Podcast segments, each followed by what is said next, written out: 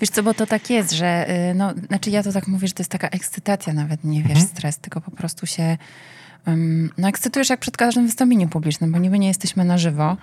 E, Zawsze ale można jednak, wyciąć. No ja właśnie tak sobie y, tłumaczę, że w razie czego ci powiem, e, weź proszę, nie. Tak, tak, bo jeszcze... e, to zaczynamy. Zacznijmy.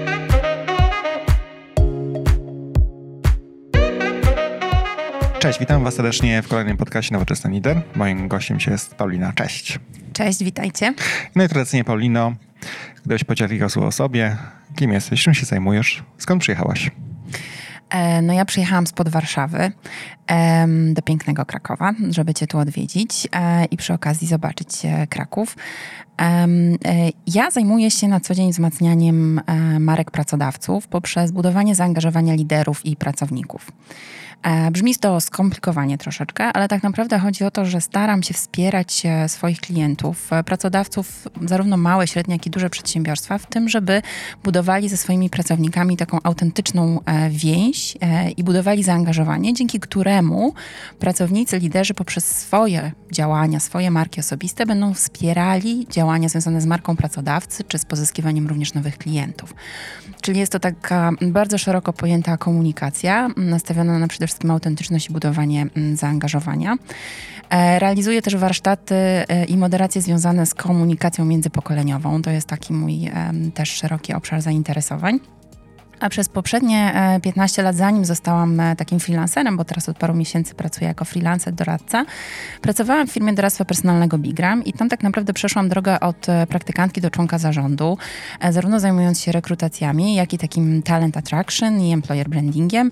Rozwijałam w Polsce dwie międzynarodowe inicjatywy, konkurs GMC i program Enactus, które miały na celu tak naprawdę pożenienie pracodawców z młodymi talentami, ale też angażowanie pracowników. I tam się pojawiały wątki CSR-owe, właśnie takich też liderów lokalnych, lokalnych społeczności, więc e, to były bardzo różnorodne doświadczenia i one mnie doprowadziły dzisiaj tutaj.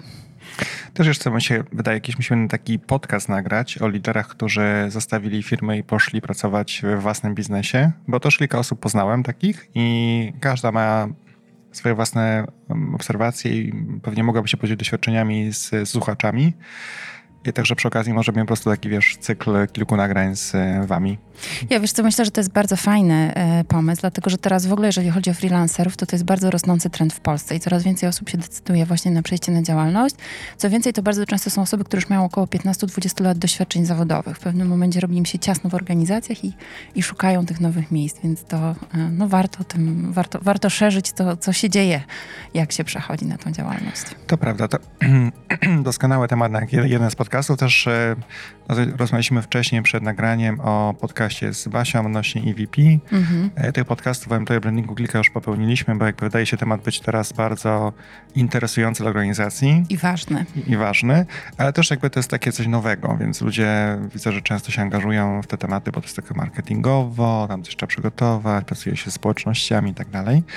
Ale dzisiaj właśnie o tym e, marce osobistej, czy personal brandingu po angielsku, dziś porozmawiać. Powiedz mi, dlaczego ten temat dla ciebie jest ważny? Dlaczego się nim zajmujesz? Dlaczego inwestujesz swój czas i energię w edukację innych? Wiesz co, ten temat trochę się tak właśnie pojawił um, z employer brandingu właściwie, dlatego że ja przez całe życie jestem związana z tym employer brandingiem, czyli z tą marką pracodawcy, wspieram tych pracodawców, no i e, dla mnie w ogóle nie ma employer brandingu bez ludzi, tak? To ludzie tworzą tą markę pracodawcy, to ludzie tworzą opinię, to ludzie tworzą wrażenie to, czy ty masz fajną, e, czy niefajną opinię o danej firmie, to często jest wynik tego, jak ci było na rozmowie rekrutacyjnej, czyli marka osobista rekrutera jest istotna, tak? Mm, to, czy ty masz dobre wrażenia e, z pracy w danej organizacji, to bardzo często e, no, odpowiedzialność ponosi na przykład twój przełożony, więc jest to marka twojego lidera przełożonego, sposób w jaki on się komunikował z tobą, jak też ten swój um, styl przywództwa, tak, ten leadership wyrażał, jaką tworzył kulturę organizacji. I ja tak naprawdę na wielu przykładach zauważyłam i, i, zaczęłam to w ten sposób realizować, ten employer branding, poprzez właśnie personal branding liderów, czyli na przykład taki moment, kiedy chcemy jako organizacja pokazać się na rynku, że mamy określoną kulturę organizacyjną, wartości, panują nas taka, a nie inna atmosfera, to e, w najprostszy i tak naprawdę mało kosztowy sposób możemy to robiąc, angażując naszych liderów, menadżerów do tego, żeby oni demonstrowali e, swoimi zachowaniami to, co się u nas dzieje w organizacji. No bo na przykład, jeżeli teraz byś e, poszukiwał pracy, tak, byłbyś zainteresowany zmianą organizacji, no to jak zobaczysz ogłoszenie rekrutacyjne do firmy X, no to pierwsza rzecz, którą zrobisz, to będziesz szukał w internecie informacji o firmie X, ale nie będziesz raczej do końca wierzył w to, co jest napisane na ich stronie internetowej, bo to właśnie każdy może napisać, tylko będziesz szukał opinii, a przede wszystkim pracowników już tej firmy i będziesz sobie oglądał ich jako takich potencjalnych twoich współpracowników, przełożonych. No też będziesz sobie ich e, na tej podstawie, co oni tam na przykład robią na LinkedInie, w jakiś sposób oceniał. I albo będzie to robiło na tobie dobre wrażenie, albo nieco gorsze. I albo się poczujesz zachęcony do aplikowania, albo zniechęcony. Dlatego ta y, siła jakby tych marek osobistych, w szczególności liderów, menedżerów, właścicielów, prezesów, dyrektorów tych topowych stanowisk, według mnie to są y, te takie filary silnej marki pracodawcy, bo to ci ludzie później decydują o tym, jaka jest kultura organizacji, co się w tej firmie dzieje i to oni mają bezpośredni wpływ na twoje gdzieś tam samopoczucie, tak, później jako pracownika i to, jak ty się w tej organizacji y, odnajdujesz. Stąd u mnie takie bardzo e, silne, e, silny nacisk, że jeśli mówimy o employer brandingu, to zawsze musimy się przyjrzeć tym markom osobistym tych liderów, no bo bez nich po prostu my nie zrobimy dobrej marki pracodawcy. Mhm. To jest ciekawe bardzo, co mówisz. Też nie chcę mówić, że jakby nie chcę z tobą polemizować, bo nie wiem, czy dokładnie, czy dokładnie było to samo pytanie zadane, ale pamiętam, że mieliśmy taki podcast też z firmą Randstad mhm. i były wyniki badania, dlaczego, ten temat ogólnie, dlaczego ludzie zmieniają pracę, albo jej nie zmieniają. Mhm. I tam było pytanie, na ile ważne dla e, pracownika potencjalnego jest e, silny zarząd. Nie wiem, czy z perspektywy brandu, mhm. czy nie, bo to nie było doprecyzowane. Oczywiście dla zarządu było bardzo ważne, jakby pytać firmy, a dla pracowników było to przedostatnie miejsce na liście. I to mnie nie dziwi. I myślę, że to nie stoi w sprzeczności z tym, o czym mówię, bo e, bardziej mówię tutaj o takich bezpośrednich twoich przełożonych. Nawet jest teraz takie powiedzenie. Kiedyś się mówiło, że się przychodzi do firmy, a odchodzi od przełożonego. Teraz się przychodzi do przełożonego, a odchodzi ze stanowiska. Jak robić się za ciasno. I prawda jest taka, że mocni liderzy, jeżeli zmieniają organizację, to zwróć uwagę, że bardzo szybko pociągają ze sobą swoje zespoły dlatego że ludzie po prostu chcą pracować z ludźmi i już trochę drugorzędne znaczenie ma ta marka. Nawet ostatnio czytałam, że e, Warren Buffett na którymś wykładzie zalecał studentom, że idźcie pracować do liderów, a nie do marek. Nie kolekcjonujcie w CV nazw pracodawców, tylko szukajcie liderów, od których się możecie czegoś nauczyć szczególnie w tej pierwszej takiej fazie, mm, tych pierwszych 10 lat doświadczeń, które zbieramy, no to ogromne znaczenie ma na Twój rozwój taki osobisty, zawodowy, to, kto jest Twoim bezpośrednim przełożonym, jakie, bo to on Ci daje te możliwości rozwoju albo i nie. To on jest Twoim mentorem, on Cię może wspierać, on Cię może challenge'ować w różnych sytuacjach, rozbudzać Twoje zaufanie do różnych innych dziedzin. E, I to tak naprawdę jemu potem będziesz zawdzięczał to, co się e, nauczyłeś w tej ścieżce zawodowej, a już to, czy to jest brand taki, inny, czerwony, zielony, czy może żółty, okej, okay, to też ma jakieś tam mm, mm, znaczenie, ale myślę, że jednak dużo mniejsze tak naprawdę. Takie przynajmniej ja mam też osobiste doświadczenia. Mhm, to prawda. Wiesz co, też chciałbym się dowiedzieć od ciebie, brand, personal brand, czy wiesz, silna osobowość lidera rozpoznawalna, ona pewnie jest albo nie jest. Percepcja ludzi jest taka, a nie inna danej osobie. A jak taki lider może być bardziej samoświadomy. Jak wygląda jego w ogóle marka? Czy możesz nam poradzić, jak można robić jaką diagnozę swojego brandu? Jasne, ale zanim właściwie, przejdę właściwie do diagnozy, to jeszcze chciałabym słówko definicji tak naprawdę mm, trochę o personal e, brandingu albo o leaders e, brandingu, tak? Bo ja mówię też z perspektywy jakby liderów, czyli już osób przełożonych, które do siebie też rekrutują, czyli jakby demonstrują ten swój styl e, leadershipowy po to, żeby też ludzie chcieli dla nich pracować, zanim ich poznają tak naprawdę. Mm, to nie jest o tobie. Najważniejsze jest zrozumieć, że leaders branding nie jest o liderze. To nie, do, to nie ma być promocja ciebie w social mediach owszem, fajnie jest wykorzystać gdzieś na którymś etapie LinkedIna do tego, żeby komunikować ten swój styl i, i dać się też poznawać nowym osobom, ale to nie jest o tobie. Po pierwsze, dlatego, że mm, dla mnie marka lidera to jest tak naprawdę obietnica, co ja mogę od tego lidera uzyskać, jakie będę miała doświadczenia z tego, że będę z tym liderem obcować, współpracować, dla niego pracować, czego się mogę od tego lidera nauczyć. Mm, dlatego wydaje mi się, że liderzy, którzy w sposób świadomy chcą w ogóle myśleć o zarządzaniu swoją marką lidera, Dodam, że ostatnio widziałam takie badania, w którym um, amerykańska organizacja przypytała właśnie liderów i okazało się, że tylko 15% y, z takich osób z stanowisk top managementu ma w ogóle świadomość, że ma coś takiego jak markę lidera, a tylko 5 osób tak naprawdę nad tym nieustannie pracuje. Więc to jest z mojego punktu widzenia olbrzymi niewykorzystany zasób tak naprawdę, bo to, to trochę powinien być, to powinno być trochę obowiązkowe na dobrą, na, na dobrą sprawę. Mm, y, ale wracając, jakby ta, z punktu widzenia lidera, no jeżeli jesteś liderem, jesteś przełożonym, no nie wiem, możesz być liderem projektu, mieć pod sobą dwie osoby, albo dopiero myśleć o byciu liderem projektu, a możesz być um, prezesem przedsiębiorstwa, tak, to warto spojrzeć na siebie z perspektywy takiej, co ja rzeczywiście daję ludziom, jak ja jestem postrzegany, jakim ja, jaki ja prezentuję styl leadershipu. Czy ja ludzi inspiruję, czy ja ich motywuję, e, czy ja ich nagradzam, czy ja ich doceniam na przykład w miejscu pracy. Teraz ostatnio się mówi bardzo dużo też o docenieniu, więc e, taka z jednej strony autorefleksja, ale na autorefleksję oczywiście my nie możemy skończyć, bo praktycznie przez całe życie trochę idziemy z pewnym wyobrażeniem o sobie samych, a zupełnie inaczej jest, jak się zapytamy innych. Więc taki mm, lider, oprócz tego, że może skorzystać z takich zawodowych ewaluacji typu 360, tak, czy inne narzędzia oceny, to warto, żeby umiał rozmawiać ze swoimi ludźmi na temat tego, słuchaj, czy ty się ode mnie uczysz? Czy ja ci jako lider e, wspieram w twoich planach rozwojowych? Mm, Gdybym ja mogła na przykład zadać e, naszym słuchaczom tej audycji jedno pytanie, to ja bym strasznie chciała ich zapytać, jakie macie wrażenia po tej audycji, po tym podcaście? Z czym zostaliście? Czy was to zainspirowało? Czy ja was znudziłam? Czy w jakiś sposób was zmotywowałam? Bo dla mnie ta odpowiedź od słuchaczy w tym momencie byłaby niesamowicie ubogacająca jakby wiedzę na mój temat. Tak, ja sobie mogę wyobrażać, że ja teraz wszystkich inspiruję i wszyscy teraz siedzą, robią sobie tutaj strategię leaders brandingu, ale być może tak nie jest. I warto jest to weryfikować, więc taki odpowiedzialny, świadomy lider, pierwszą rzecz, jaką powinien zrobić, to zweryfikować z otoczeniem, wyobrażenie na temat swojego leadershipu, tak, w taki bardzo otwarty sposób.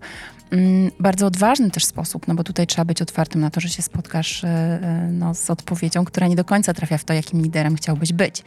Ale fajnie jest tą informację zebrać, postawić sobie obok jakim liderem chciałbym być, zobaczyć sobie, jaki jest gap i ewentualnie co muszę nadrobić, tak, że jeżeli ludzie jednak nie są tak zainspirowani, jak ja bym chciał, to być może mogę się w kierunku tym rozwijać, żeby być bardziej inspirującym liderem. I nagle z takich działań jakby związanych ze sprawdzeniem Twojej marki lidera prowadzicie to do działań, gdzie Ty zaczynasz mieć pomysł na, na, to, jak chcesz się rozwijać jako lider, tak? Czyli zaczynasz wchodzić w jakiś proces rozwojowy, nad sobą pracować, tak żeby... Mm, potem móc e, no, osiągnąć ten, ten, ten wpływ i mieć ten wpływ na ludzi, jak, jakbyś chciał tak naprawdę. Więc e, ten leaders branding to, to nie jest to nie są działania takie promocyjne. One w ogóle nie służą autopromocji. Znaczy, oczywiście one też ciebie będą promowały, ale to nie chodzi o autopromocję. To chodzi o takie świadome osadzenie siebie w otoczeniu, e, sprawdzeniu tej strefy swoich wpływów, tego swojego, tej lokalnej społeczności, którą się wokół siebie ma, czy zawodowo, czy społecznie, no bo przecież mamy liderów politycznych, liderów e, społecznych, no przeróżnych. I sprawdzenie, czy ci ludzie rzeczywiście czy ja im daję taką wartość, jaką bym chciał im dawać, tak? Czy, czy ja im pomagam, czy ich popycham do rozwoju, czy ich inspiruję, czy im pomagam rozwiązywać określone problemy, czy jestem dla nich ekspertem, czy dzielę się z nimi wiedzą. Um, więc to też pomaga nam, nam się rozwijać i to jest taka praca przez całe życie tak naprawdę. No to ci się, to ci się nie kończy na czystej definicji. Możesz znaleźć podcast Nowoczesny Lider na wszystkich wiodących platformach, takich jak iTunes lub Spotify. To wiesz co, nie, nie chcę używać takich, wiesz, anglosaskich sformułowań, ale to mi się nasuwa takie mm -hmm. powiedzenie servant leader, prawda? Jeśli mm -hmm. chodzi o to, że lider dzisiaj to jest osoba, która ma, jak to pamiętam, zawsze mówiłem, odblokować potencjał danego pracownika, żeby dać mm -hmm. pomóc mu się rozwijać. I dla mnie też takim jednym dobrych miar skuteczności liderów jest ich e, ilość osób, które dzięki nim no nie tylko dzięki nim, ale pomogły im rozwinąć skrzydła, awansowały, poszły w świat, nie wiem, do, w danej firmie lub do innej firmy na stanowiska czy do, do, do ról, które po prostu je, je pasjonowały wcześniej, mhm. prawda? Y, ja też myślałem o tym, o tej obietnicy, bardziej jak pytałem się o ten brand, bo też myślę, że to są, y, liderzy mają różne role. Jedną z ról, które na pewno mają dzisiaj, to jest y, możliwość rozwoju firmy poprzez jednak pozyskiwanie talentów z rynku. Tak, to prawda. I teraz talent z rynku, jakkolwiek by nie starał się ten lider rzeczywiście być aktywny wewnątrz, no to jednak musi jednak też wyjść na zewnątrz, żeby go można było zobaczyć. Mhm. Ja też myślę, że mm, w akurat pracy w firmie technologicznej u nas bardzo ważne są osoby, które nie tylko są liderami takimi, wiesz, e, dla ludzi, e, zarządzają ludźmi, czy pracują z ludźmi, ale również technologii. I prawią mhm. porwać ludzi swoją pasją technologiczną. Kiedyś nazywał się ewangeliści, na przykład w Microsoftie byli. Tak, tak. Prawda? Więc jakby to mi się wydaje jest dość obszerny temat i jakby ja to, to, staram się powiedzieć, że ten e, jakby definicja tego, co to dla ciebie oznacza, może być bardzo szeroka również, jeśli chodzi o budowanie takiej swojego brandu dobrego lidera. Oczywiście i też ta ekspertkość, o której mówisz, jak najbardziej dla mnie, e, no chociażby w Polsce mamy mm, no, kilku, kilkunastu liderów, których też ja rozpoznaję jako takich e, pociągających mnie swoją eksperckością. Tak jest Jowita Michalska, tak, która jest absolutnym, absolutną petardą, jeżeli chodzi o digitalizację, automatyzację. Tak, e, i, i, i to jest ten jej leadership. Mm, jest Piotr Ciski na przykład, country manager który też jest taką dla mnie osobą, też bardzo wartościowy lider, z jednej strony doceniający swoich pracowników, ale też angażujący się na rzecz lokalnych społeczności. Więc e, tych liderów jest e, wielu, ale nadal jest ciągle ich mało, bo e, też ja się ostatnio tak śmiałam, że no dobrze, może nie każdy z nas jest Richardem Bransonem i ma taki potencjał, żeby nim zostać, ale to nie znaczy, że my nie możemy próbować. I zobacz tak naprawdę, jak spojrzysz na nasz rynek i na naszych menedżerów, top menedżerów, no i, i masz wymienić takie wyraźne marki liderów, osób, takie, które po prostu kojarzysz z imienia, nazwiska, to wcale tak dużo tych osób nie ma. A z kolei jest bardzo dużo instytucji i firm, gdzie my nawet nie wiemy, kto jest prezesem, kto tam stoi na czele i, mm, i kto, kto, kto zarządza tak, daną firmą. I dla mnie to jest taka trochę strata, bo ym, to też jest tak, że to nie jest dla każdego i nie da się kogoś zmusić nagle do zajmowania się tym e, swoim e, leadership brandingiem czy leaders brandingiem, jeżeli ktoś po prostu czuje, że to w ogóle nie jest dla niego, on nie wiem, albo po prostu no nie, nie jest w tym momencie, że chce na to się decydować, no ale bardzo dużo traci, bo e, z kolei ci, którzy już to prowadzą, to właśnie zyskują, tak jak powiedziałeś, no chcą pozyskiwać na przykład talenty z rynku, tak? I, i taki przykład mocnego mm, lidera to jest dla mnie taka osoba, która jak rekrutuje do siebie do zespołu, to ona nawet nie musi dawać e, tak naprawdę ogłoszenia nigdzie o tym, że rekrutuje, tylko ona na przykład poprzez profil na LinkedInie wrzuca informację, że zapraszam, że szukam do swojego zespołu osoby i nagle otrzymuje e, aplikację od rzeczywiście tych trafionych kandydatów, albo wręcz jest to osoba, i takie przykłady też znam, e, która nie pyta, jakby nie pytając rynku, dostaje e, wiadomości, chciałbym dla pana, pani pracować, tak? Widzę, obserwuję, e, no podoba mi się to, nie wiem, ekspertyza, podoba mi się styl zarządzania, podoba mi się sposób, w jaki, nie wiem, prowadzisz dialog ze społecznością, w jaki sposób doceniasz swoich ludzi. No ja chcę się od ciebie uczyć, tak? Chcę z tobą pracować. I to pozwala właśnie przezwyciężyć później te wyzwania rynkowe, które mamy w tej, mamy w tej chwili, jeżeli chodzi o rekrutację, no i wspiera oczywiście ten employer brand tego pracodawcy, nie?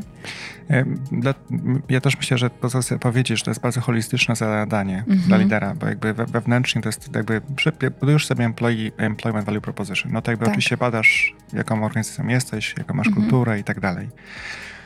Więc to jest jakby kim tak naprawdę jesteś, ale jakby ludzie muszą się jeszcze o tym dowiedzieć mhm. na, na zewnątrz często.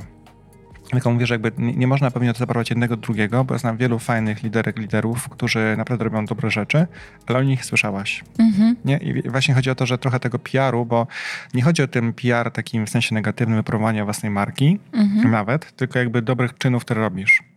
I wtedy ludzie dołączają do takich osób, bo też chcą się realizować, a nie każdy ma taką, wiesz, pasję, aby być organizatorem czegoś. Często są dołączyć, tylko nie wiedzą do kogo, mhm. tak naprawdę. E, dzisiaj rano mieliśmy spotkanie, robimy wydarzenie Mentoring Walk w, nie wiem, czy każdy inicjatywę jest tak, w Warszawie. Tak, oczywiście. W tym roku, jeśli uda nam się wszystko dopiąć, to zrobimy jeszcze w trzech miastach, w Trójmieście, w Krakowie i we Wrocławiu. Mamy trzy liderki, które robią te chaptery trzy. No ale też pewnie nie słyszałaś jeszcze pewnie nigdy wcześniej. Mm-hmm. Nie, a to są zaangażowane bardzo osoby społecznie i bardzo dużo pracy i energii wkładają w to wydarzenie, tak naprawdę. I wiesz co, i mi na przykład jest wtedy strasznie szkoda, że nie słyszałam o takich osobach, bo e, ja osobiście uwielbiam się uczyć od innych i obserwować, e, inspirować się tym, co inni robią. Mm, I mam poczucie, że mm, zresztą też przez wiele lat tym się zajmowałam, żeby właśnie angażować e, zarówno seniorów, jak i, jak i juniorów, mówię tu w kategorii doświadczeń zawodowych, studentów i, i CEOs, tak, C-level management taki, mm, właśnie w działania na przykład na rzecz lokalnych społeczności. I o tyle, o ile tych mm, jakby nie było problemu w zaangażowaniu tych, tych liderów, to jak um, prosiłam ich, ok, to pochwalmy się teraz tym, co osiągnęliście, co zrobiliście, to są wszystko dobre praktyki, tym się trzeba dzielić, bo dzięki temu, że się tym podzielicie, to ktoś was może będzie chciał naśladować. To, to są dobre rzeczy, mówmy o tych dobrych rzeczach, Dokładnie. nie skupiajmy się tylko na tych negatywach, tak? Już świat wystarczająco jest napompowany negatywnymi informacjami. To bardzo często, i tu znowu, niezależnie od tego, czy ktoś był junior czy senior, jeżeli chodzi o to doświadczenie, pojawia się taka obawa, nie, bo po co? Ja tu nie robię tego po to, żeby się chwalić, ale mówię, ale to ty się nie chwalisz. Ty masz pomóc innym zobaczyć możliwości tak? Bo to, że ja na przykład pokazuję pewną praktykę, promuję pewną praktykę, dlatego na przykład ja się też lubię dzielić wiedzą. Ja nie przyszłam tu do ciebie po to, żebyś pochwalić tym, że ja wiem, co to jest leaders branding i być może ja mam nie najgorszy, tak? Bo do mnie ludzie piszą, że chcą ze mną pracować. Ja tu przyszłam po to, żeby ileś tam osób, które mam nadzieję nas wysłuchają, poczuję taką chęć, ok, zrobiłem coś fajnego, albo mam jakiś fajny pomysł na usprawnienie pracy swojego zespołu, albo wykonałem jakiś projekt na rzecz lokalnej społeczności, pochwalę się nim, tak, pokażę światu, bo, bo świat na tym tylko może skorzystać tak naprawdę, więc myślę, że ta, um, trzeba właśnie takie osoby, jak masz te, te, te trzy um, mentorki, tak, które prowadzą, no po prostu zachęcić do tego, żeby one wyszły trochę poza, po, po, poza swoje tylko środowiska i pokazały też innym. Mhm, to prawda. E, potem też kolejny przykład bardzo fajny, bo nie czekasz organizacja ABSL. Tak, kojarzę. Z kolei y, to jest też taki ciekawy, ciekawa bardzo społeczność, bo wszyscy ci ludzie, którzy tworzą ABSL chaptery, to są konkurenci na rynku pracy. Tak, tak, to prawda. I to są wszystkie osoby, które spotykają się w ramach pewnych oczywiście wartości, zaufania i mhm. budują lepszą społeczność, bo zakładają, że będą dzięki temu wszyscy mieli jakby łatwiejszy dostęp do dobrych talentów w przyszłości i tak dalej, ale wbrew pozorom rywalizują ze sobą. Mhm. I to z kolei takie społeczności, które tworzą się wiesz, w różnych miejscach, też pewnie o nich nie wiemy. I nie mówię tu przez perspektywę personal brandu, ale że ta, ta energia jest, tylko po prostu jakby trzeba też pomóc jej się odnaleźć. Tak, to prawda. Zresztą e, w tym programie, który e, ja w, rozwijałam w Polsce i on dalej oczywiście funkcjonuje na Actus, to jest taka międzynarodowa organizacja non-profitowa, która zakłada, która zakłada, że mm, młode osoby, zazwyczaj studenci, realizują projekty na rzecz lokalnych społeczności i wspierają ich w tych e, doświadczeni menedżerowie, tak? I prawda jest taka, że tam są sami liderzy w okolicy, tak? Tam są sami liderzy, którzy się gdzieś gromadzą i tam też w tym programie Enactus my bardzo często mamy mamy pracodawców i mamy tych menedżerów e, z konkurencyjnych spółek, tak, którzy widzą w tym jakby zupełnie inny cel, to jest zupełnie inna, dzia- inna działalność, tak, tutaj bardziej mówimy o zrównoważonym rozwoju, o, o, o pewnej społecznej odpowiedzialności. I to są rzeczy, które nas łączą, niezależnie od te, tak naprawdę firm, z jakich się wywodzimy. No dobrze, no to teraz powiedzmy bardziej praktycznie, mhm. bo zawsze chciałbym dać naszym słuchaczom taką wiedzę praktyczną, czyli jestem dzisiaj, wysłuchałem podcast mhm. i teraz chciałem chciałabym zająć się budową swojego bardziej świadomego brandu. Mhm. Co, co zrobić? Wiesz co, y, przede wszystkim, y, i to akurat jest takie pytanie, które się pojawia już na pierwszym etapie w personal brandingu, tak już nie trzeba być do tego liderem, ale zastanów się, jaką wartość dajesz ludziom co tak naprawdę e, możesz ludziom zaoferować, co masz do powiedzenia. E, może masz jakąś wiedzę ekspercką, a może masz jakąś cechę, która sprawia, że po rozmowie z tobą ludzie czują, że świat jest po prostu lepszy.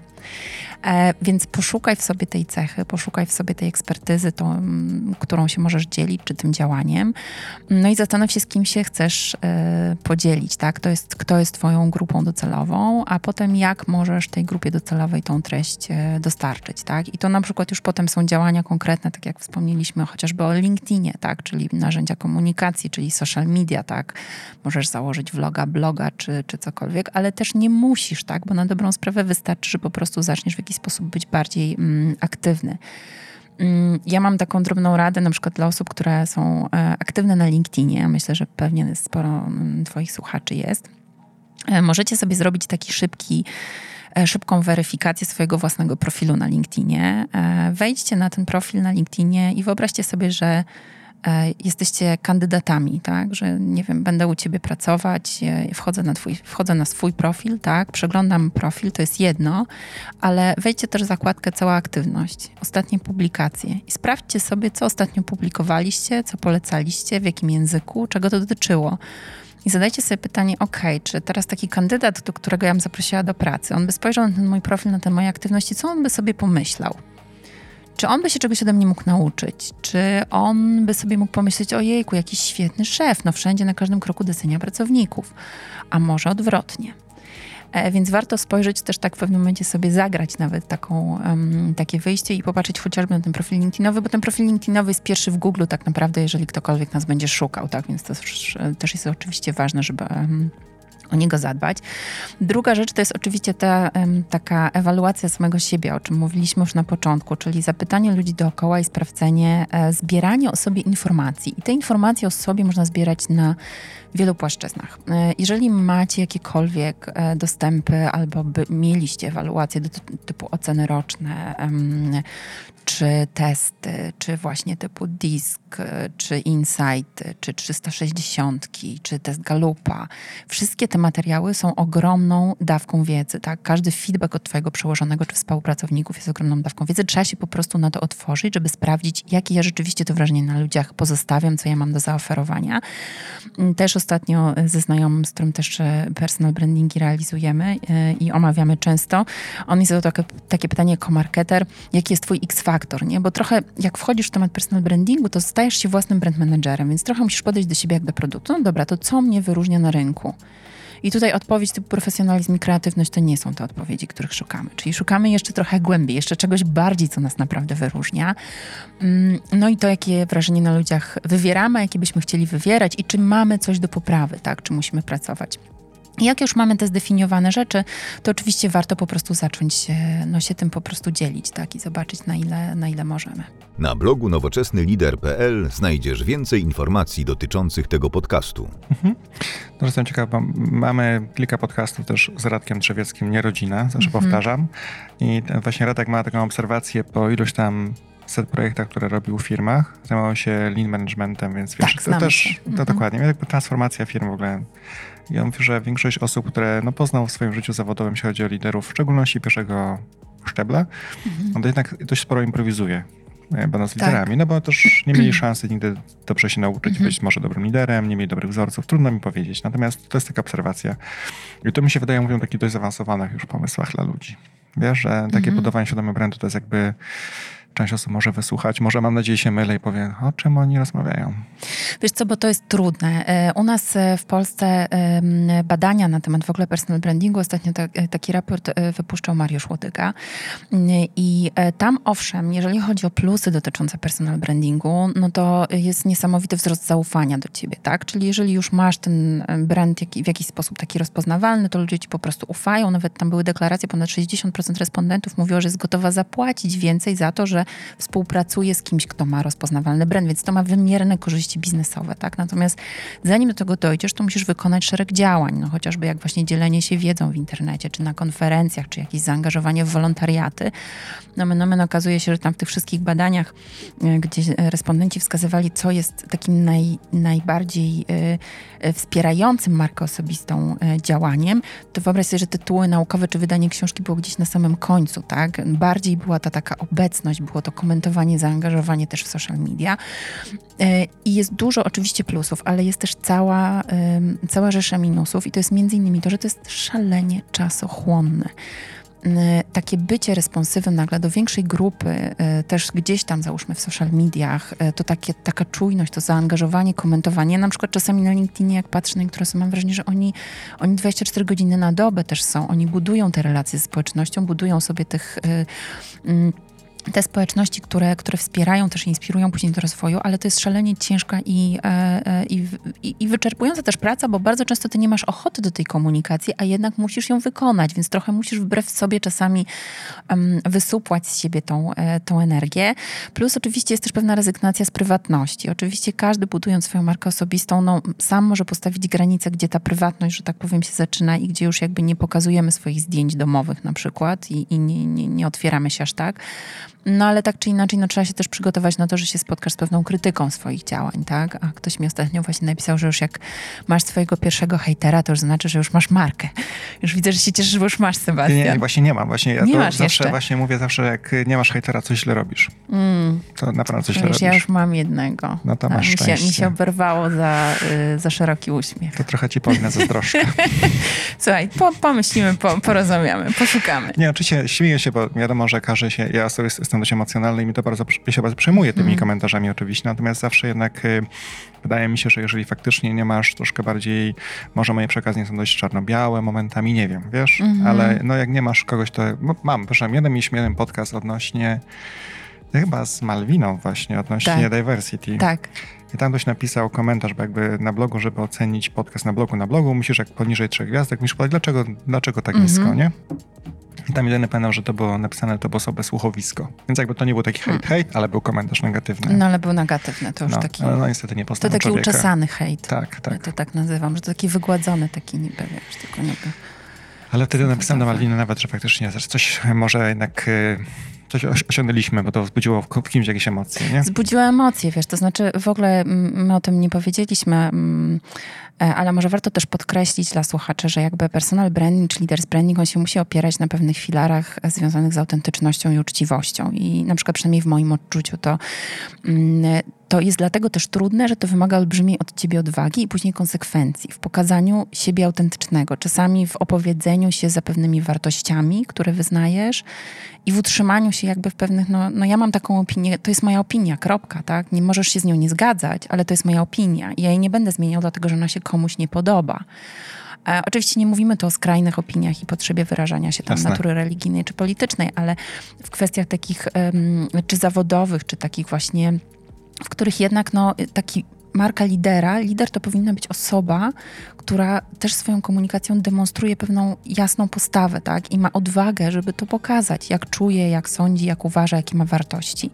Więc e, ta autentyczność, a co za tym idzie odpowiedzialność, tak? Bo ludzie potem cię naśladują, patrzą na ciebie um, i będą cię chcieli naśladować, no to, to, to jest wszystko trudne, to jest wszystko wymagające, to jest taka dodatkowa, no mówię, praca na, praca na etat, żeby być tym swoim własnym e, brand managerem i, i o to po prostu dbać. I to też nie jest tak, że to się nam udaje bezbłędnie, bo każdy z nas po drodze robi błędy. Um, trzeba mieć na to też tolerancję. Mm, Już nie pamiętam, w którym to podcaście słyszałam, możliwe, że u ciebie, ale bardzo mi się podobało właśnie o marce osobistej taki, takie sformułowanie, że każdy z nas robi błędy. Niestety zazwyczaj to jest tak, że my sami te błędy najbardziej zauważamy, a wszyscy inni już zdążą o nich zapomnieć. Więc myślę, że też trzeba sobie dać taką przestrzeń, że okej, no nie jestem idealny, gdzieś tam się potknę parę razy, nie wiem, opublikuję coś albo powiem nie do końca tak, jakbym chciał, chciała, ale, mm, ale świat zapomni. Tak ludzie szybko zapominają. Oni mają swoje problemy, nie będą się koncentrować na, na tym, że ty popełniłeś błąd. W ogóle nie wychwycam tego nawet, powiem ci szczerze, często. No. Dlatego tylko myślę, tak wiesz, jakby, pro- wiesz, idealni, którzy chcą być wszystko tak mi zrobione na perfekcyjnie, Perfekcyjnie poganiacze nasi no wewnętrzni nas sami tutaj... się tutaj później krz, krz, właśnie Tak. biczujemy. No, no to ja to rozumiem. Ja dlatego właśnie to mówiliśmy wcześniej, że czasem wydaje nam się, że podcasty, które nagraliśmy, nie są jakby specjalnie wysokich lotów i Mhm. nawet mamy takie wahanie publikować, nie publikować. I jak mówiłem ci wcześniej, wielokrotnie okazuje się, że to jest super dobry odbiór ludzi. Więc my się sami siebie czepiamy po prostu. Tak, to prawda. Zresztą wiesz, autentyczność też polega na tym, że ty robisz błędy, e, a ja mam takie wrażenie, że to właśnie te podcasty, może nie wiem, jeżeli nie mam pojęcia, który to zresztą był ten słabszy podcast e, Sebastiana. Absolutnie powiem wszystkie nawet. są perfekcyjne. Dziękuję ci. Ale to jest też taki e, moment, że jeżeli zrobisz coś gorzej, to na przykład ja mam taką też, ja mam taki odbiór często takich projektów, że one są wiele bardziej rozwijające tak naprawdę, nie? Bo jeżeli wiesz, że coś ci poszło e, gorzej niż byś chciał, no to na, e, jakby myśląc na ten temat, co mogłeś zrobić lepiej, no po prostu się bardzo, bardzo dużo uczysz. A jak zrobisz coś perfekcyjnie, nie, no to fajnie zrobiłam perfekcyjnie, no zbieram oklaski i idę dalej, nie? To prawda. Jeszcze y, wiesz, jakby to jest y, też kwestia tego, że te podcasty, które robimy, nie tniemy ich często w ogóle. One idą Mhm. tak strumieniem, poza właśnie tym jednym, kiedy musieliśmy trochę tam jednak zrobić e, adjustację, ale poza tym dobrze wyszło. Bardzo dobrze, bardzo dobrze. No dobrze, ja też będzie taki przykład e, właśnie tej autentyczności, e, bo mm, nie zdajemy sobie sprawy, jak ten świat jest mały. Miałem takiego kolegę, który naprawdę brylował w social, media, był zawsze super politycznie poprawny i pewnego dnia przyszło do mnie e, screenshoty z jego czata z jakimś obcą zupełnie dla mnie osobą, ale przyszło przez dwóch innych znajomych, bo oni Mhm. kojarzyli firmę. No i ten czat nie nadawał się absolutnie do publikacji, bo był tak Mhm. po prostu, wiesz, e, napisany językiem no, z pogranicza zupełnie. Mhm. I nagle patrzysz człowiek, który tutaj stara się naprawdę, pilnuje się bardzo mocno, ale i tak, i tak rynek później weryfikuje, jakby ludzie wery- weryfikują twoją, wiesz, autentyczność, że naprawdę jesteś takim fajnym liderem, nie? Który No to Prezentuje. tutaj kolejnym słowem kluczem po autentyczności, myślę, odpowiedzialności to jest ta integralność, ta spójność, nie? Mm, Że nie, nie da się jakby tego do końca zmanipulować, myślę. Em, I jeszcze jest taka rzecz e, związana ze spontanicznością, tak mm, może nie wiem, czy to akurat w przypadku tego twojego znajomego by się mm, nosiło, ale ja jak już rozmawiam czasami z liderami i, i wchodzimy na taki poziom, kiedy okej, okay, dobra, jestem gotowy, chcę się dzielić, chcę się komunikować, będę uprawiał tą komunikację lidera, no to jakby ja się cieszę, że rozbudziłam entuzjazm, ale za chwilę jakby ściągam e, z powrotem e, te zapędy, mówiąc jakby wszystko rób spontanicznie, ale e, zastanów się trzy razy i ugryź w język i w długopis i w co tam jeszcze musisz. I zadaj sobie pytanie, czy naprawdę muszę odpisać na ten komentarz, czy to wniesie komuś wartość, że ja odpiszę, czy ja też odpisuję tylko po to, żeby sobie jakby zrobić dobrze tak, bo mam taką potrzebę postawienia ostatniego zdania. Więc e, czasami e, tutaj ta zasada less is more, tak, i, i to keep it simple, te wszystkie takie, takie minimalistyczne, bo to jest, okej, okay, dobra, mogłabym jeszcze wiele na ten temat powiedzieć, ale a może po prostu świat nie musi tego wiedzieć. Tak, widziałem kiedyś wpis dialog na, gdzieś tam na social media oczywiście. E, rozmawia dwóch dżentelmenów i jeden mówi, wiesz co, no czasem po prostu y, jak rozmawiasz z kimś, to jest naprawdę tak, ma pewne limitacje, limitations, jak się po angielsku i nie do końca wiesz, mm, warto się z nim kłócić, to po prostu lepiej się z nim zgodzić. A na to ten człowiek mówi, ja się z tobą nie zgadzam, powinien zawsze walczyć. Nie, masz rację, masz rację. Dobry przykład. ja mówię, umarłem ze śmiechu.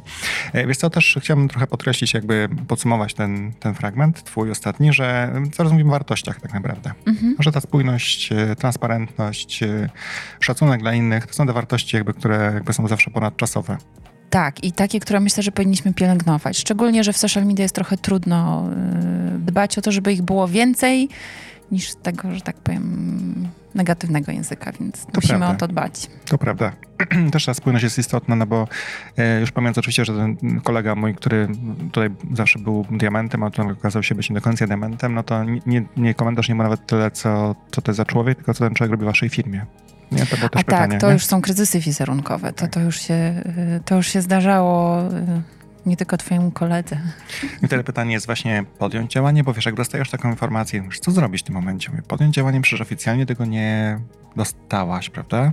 Wiesz, oficjalnie jakby nie możesz podjąć kroków jakichś takich, wiesz, naprawczych, a nie każdy słucha.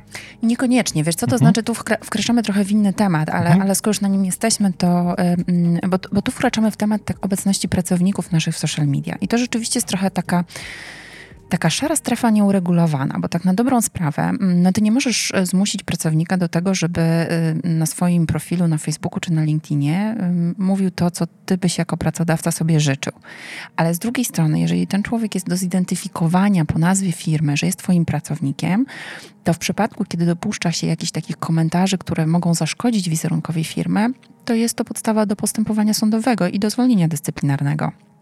Owszem, ona nie jest może specjalnie przyjemna e, i lepiej się przed nią zabezpieczyć. Jest taka praktyka, która się pojawia już w dużych organizacjach, e, w, właśnie w związku z social media, e, w której przede wszystkim firmy dbają o to, żeby pracowników przeszkolić z social media, bo okazuje się, że jednak mówienie i przypominanie ludziom, że to, co napiszą w social media, naprawdę nie zginie, a jak za 10 lat będą chcieli kandydować na prezydenta, to ktoś im to wyciągnie. Mm, to jest bardzo potrzebne i e, zachęcanie pracowników do tego, żeby korzystali z tych social media w taki dobry sposób, e, mm, na przykład z LinkedIna, nie wiem, rozwijając sieć, e, ucząc się, tak, czerpiąc inspirację plus e, regulaminy dotyczące obecności w social media, w których się zapisuje, że jeżeli no już na Facebooku wpisujesz sobie nazwę firmy, no to też jesteś zobligowany na przykład do niewypowiadania się na określony temat albo niewypowiadania się na temat swojej firmy i to, to się też, to się też dzieje już e, u pracodawców. Jestem, jestem ciekaw reakcji w mojej firmie, jaka by była na tego typu zapisy, ale możemy to przy okazji zbadać, wiesz, spytam się paru, paru osób, myślę, wydaje, że to byłby hejt właśnie wtedy. Znaczy wiesz, to też oczywiście zależy od komunikacji, w jaki sposób to wprowadzić. tak więc tutaj kluczem jest akurat komunikacja wewnętrzna. To, to prawda, to prawda. Natomiast y, no, już nie chcę tu wchodzić w szczegóły, natomiast y, y, informatycy są dość bezpośredni, jeśli chodzi o komunikat. Nie wiem, jak mhm. są inne branże, ale tu naprawdę mam bezpośredni kontakt. To jest bardzo dobre często, mhm. bo nie musisz domyślać się specjalnie, co oni myślą, mhm. natomiast czasem nie dobierają słów do wyrażanych myśli. No, ale to jest inna, zupełnie inny temat, na inny podcast pewnie. No dobrze, wspomniałeś jeszcze o tych różnicach międzypokoleniowych. Tak. Mhm. Czy jakoś możemy połączyć kropki między personal brandingiem i różnicami międzypokoleniowymi? Trudne słowo. Wiesz co, y, ja ci nie chcę namawiać, żebyś realizował ze mną kolejną serię podcastów. Ale. Chyba będę musiała. To zaparkujemy. E, wiesz co, to znaczy, jeżeli chodzi o pokolenia, to jest naprawdę temat rzeka. Mhm. Mm, Dlatego, że tutaj e, rozmawiamy też o przywództwie dla różnych pokoleń e, i o tym, jak różne pokolenia postrzegają liderów i czego od liderów oczekują. I za tym będzie szedł ten leaders branding. Natomiast on ma duże znaczenie, mm, chociażby dlatego, w takim nawet kontekście, no weź sobie prosty przykład.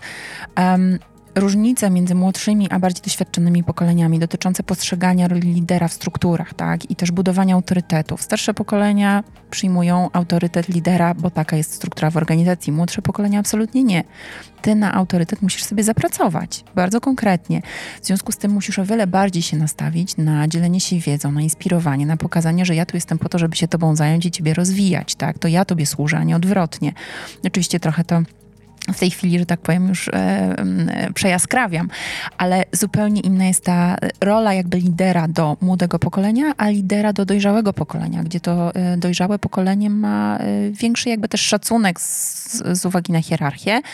Um, i czasem zadaje też mniej pytań, ale z drugiej strony też oczekuje takich jasnych wytycznych, co, co, co, co do nich zależy. Więc to mówię, tutaj jest szeroki temat dotyczący tych motywacji, oczekiwań różnych pokoleń w stosunku do liderów, a zatem będzie oczywiście szedł e, no, ten leaders branding. Tak? Natomiast jest on zdecydowanie um, istotny, myślę, dla wszystkich pokoleń, dla tych młodszych nawet bardziej niż dla tych doświadczonych, bo te doświadczenia, doświadczone pokolenia, no, mm, oni wiedzą, co, do, co mają robić, tak? Oni już tak nie szukają tego lidera, którego mogliby się uczyć. A te pierwsze 10-15 lat pracy zawodowej to jest ten czas, kiedy ty jesteś najbardziej podatny na rozwój i ten lider ma na ciebie największy wpływ. Więc e, młode osoby no, po prostu będą lgnęły do liderów, których będą rozpoznawały. Dlaczego ludzie chcą pracować dla Elona Muska na przykład, tak? I have no idea, bo podobno straszny człowiek. Podobno straszny człowiek, no ale zobacz, on fantastyczne rzeczy robi, tak? To Tam prawda. się akurat idzie dla idei trochę, Mhm. nie? Mm, Jeżeli chodzi o fantastycznego człowieka, to ja bym Ryszarda Bransona wybrała, nie? By, by, mówię, bez, bez mrugnięcia okiem napisałabym do niego e-maila, jakbym miała go w kontaktach na LinkedInie, że bardzo bym chciała mu tam shadow mentoring może jakiś by mi zafundował. E, Ale to, y, i to jest dla młodych pokoleń bardzo ważne, tak? Y, Żeby ten lider był wyraźny i żeby on był taki porywający, ale też, żeby on dużo od siebie dawał, tak? Żeby on miał po prostu, no był trochę jak ten Google, wszystko wiedział i, i, i- i dawał odpowiedź tu i teraz. I, i, i też był taki e, responsywny. No to nagramy kolejny odcinek może o tych różnicach właśnie. Bardzo chętnie i o podobieństwach koniecznie, wiesz, bo ja tu bardzo też lubię narrację podobieństwa, bo wszyscy mówią o tych różnicach, co doprowadzi, prowadzi nas w pewnym momencie do takiego momentu, kiedy sobie wytykamy palcami, co nas Hmm. różni, my wy, a prawda jest taka, że my tych podobieństw mamy więcej niż różnic Super. i warto się na tym trochę skupić. Na tym budować, dokładnie. No to jeszcze może ostatnie pytanie, bo też e, chciałbym, żeby nasi słuchacze mieli szansę cię spotkać potencjalnie. Gdzie cię można zobaczyć, spotkać? E, ojej, tak wirtualnie to na LinkedInie. E, wirtualnie zapraszam na LinkedIna. Mam też swoją oczywiście stronę paulinamazur.com i tam są do mnie dane kontaktowe, więc można się ze mną spotkać na kawę albo konsultacje w sprawach tych employer brandingowych, personal brandingowych. Ale występuję również na przykład 20 sierpnia mm, na e, spotkaniu Sales Angels w Warszawie, gdzie będziemy wspólnie z Tomkiem Rudnikiem prowadzić e, e, taką prelekcję o świadomym zarządzaniu karierą i między innymi też trochę będziemy o leaders brandingu e, mówili.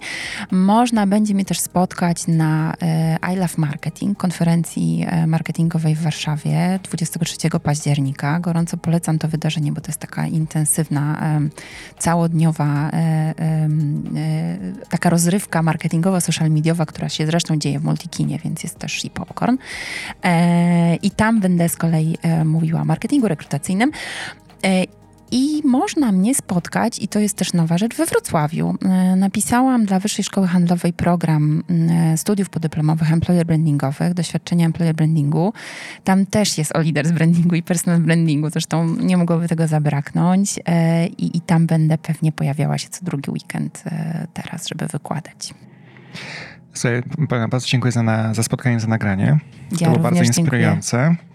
E, I teraz nie wiem, czy to puścimy jeszcze, ale możemy powiedzieć po prostu o tym hejcie. O hejcie. No, o tym uśmiechu.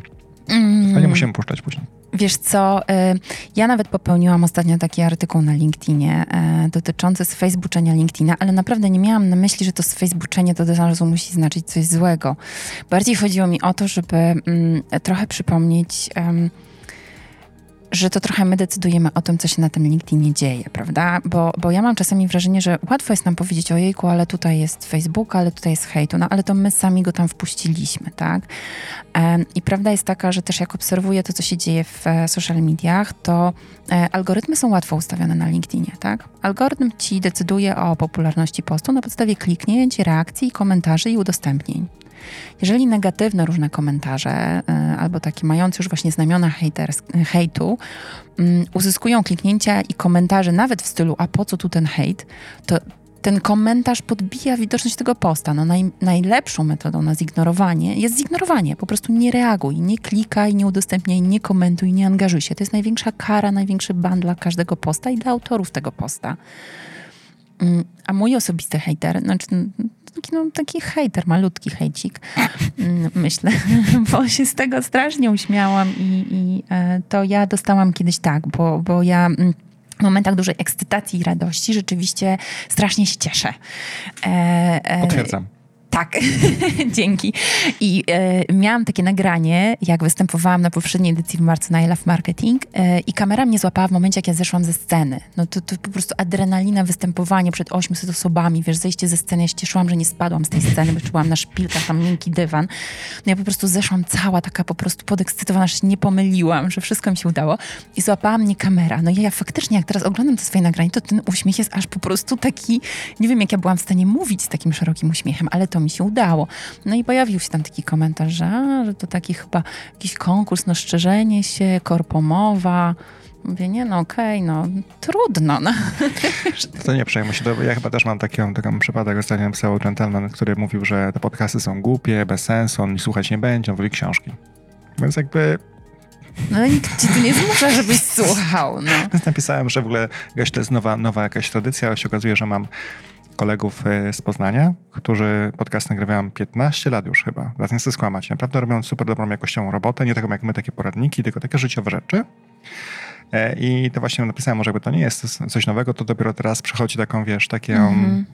takie, no, takie oświecenia, nie? Jakby to ludzie znowu tego wrócili i tak dalej. No ale jakby nie, nie wdawałem się w dyskusję dalej, mówię, jak te książki to jest Virtualo, jest inne, są inne księgarnie. Zapraszam Cię do społeczności Nowoczesny Lider na Facebook lub LinkedIn. Nie, ja wiesz co, ja myślę, że to... Um, nam trochę social media, nam internet dał taką możliwość bycia takim trochę anonimowym w tym. My się czujemy anonimowi, ale my nie jesteśmy anonimowi. No to był LinkedIn w ogóle, żeby śmieszniej. I to jest no. w ogóle już dla mnie zaskakujące, bo jeżeli dorośli ludzie, którzy się z imienia, nazwiska, stanowiska jakby tam pokazują i potem nawet... Y, bardzo często ten hejt jest taki ukryty, ja mam takie wrażenie, w takim autoironia i cynizm. Takie mam poczucie humoru. No i pojawiają się takie komentarze, które no ty widzisz, że to jest hejt, ale to ktoś uważa, że on ma takie świetne poczucie humoru. E, no i potem taka osoba no na przykład jest zdziwiona i to już moim profesorem jest na przykład zapraszana na rozmowy rekrutacyjne no przepraszam cię, ale no jeżeli ktoś y, tak demonstracyjnie pokazuje, y, jaki na przykład, nie wiem, nawet stosuje język, jakimi tematami się interesuje i, i no to to jest mało zachęcające. No nie wiem, czy do rozmowy rekrutacyjnej, czy do, no czy chciałbyś mieć takiego usługodawcę albo partnera biznesowego, no to jest od razu takie, no nie wiem, mi się zapala przynajmniej taka lampka ostrzegawcza. No my nie, my nie pewnie. Natomiast wiesz, no nie wiem, no, też to wspomnieć o tych pisach, które są takie nakierowane na to, żeby wzbudzać emocje, no to jest mhm. moim zdaniem bardzo często totalnie zaplanowana akcja przez autora. Prowokacja. Prowokacja. No i w ogóle z tego niektórzy mówią oficjalnie, że jakby to się klika, to się później, wiesz, to angażuje, to widać. Co z tego, że później masz przylepioną łat, łatkę takie inne osoby, natomiast ale to się klika, nie? Tak ewidentnie mhm. twój, twój, wiesz, Ilość idzie w górę. klików. Nie, co, co to ma wspólnego? Ilość w sumie nawet nie bardziej jest chyba mm. ważny zasięg, aniżeli w sensie twój mm -hmm. network, prawda? Niż, a nie wiem, czy chcesz robić networku z taką osobą wtedy, ale nie wiem, to już inny pewnie temat na badanie. Ale wiesz co jeszcze a propos LinkedIna właśnie, a propos Facebookania LinkedIna, e, coś czego e, my często nawet nie wiemy i my mamy władzę nad social media, mamy władzę nad naszym LinkedInem, nad naszą tablicą, ja regularnie, jeżeli na przykład widzę treści, które mi nie pasują albo no, nie są z obszaru moich zainteresowań, po prostu wchodzę na profil osoby, która ją udostępniła i przestaję ją obserwować. Ja jej nie usuwam z swoich znajomych, ale ja zarządzam w ten sposób tym, co potem mi się na tym LinkedInie wyświetla i to tak naprawdę może robić każdy z nas, tylko czasami o tym nie pamiętamy, czasami nam się nie chce, tylko się denerwujemy, że treści są niewłaściwe, więc warto sobie też do tego aktywnie podejść i poporządkować ja to blokuję tę od razu. Blokujesz. Tak, ja, ja nie, mam, nie mam sumienia. Mi to słowo blokuj jakoś tak brzmi. No już jak jednoznacznie. tak, jeżeli ktoś tam, wiesz, wpadnie dwa razy u mnie z jakimiś komentarzami, które są naprawdę nie na miejscu, nie mówię tym merytorycznymi, mm -hmm. bo Mhm. jakby wiadomo, że każdy może inną perspektywę o książce, o filmie, no wiadomo, prawda? Masz inne perspektywy, ale na temat wartości to się powiada, wiesz, i nie daj Boże jeszcze wchodzi w obszary, które są bardzo mocno Mm -hmm. jakieś homofobiczne i tak dalej. To nie ma zmiłuj, to tam od razu szachmat. Twoja tablica, twoje kontakty, twoja decyzja. No, dokładnie, to Twoje nie mam prawo. zamiaru się stresować. No dobrze, sobie bardzo dziękuję Ci za spotkanie jeszcze raz, Paulina. Mam nadzieję, że Ja zobaczenie również. jeszcze raz. Też mam taką nadzieję. I do usłyszenia. I miłego dnia. Dziękuję Weekendu. bardzo, miłego dnia. Do usłyszenia. Kolejny odcinek podcastu Nowoczesny Lider już w następną niedzielę o godzinie 17.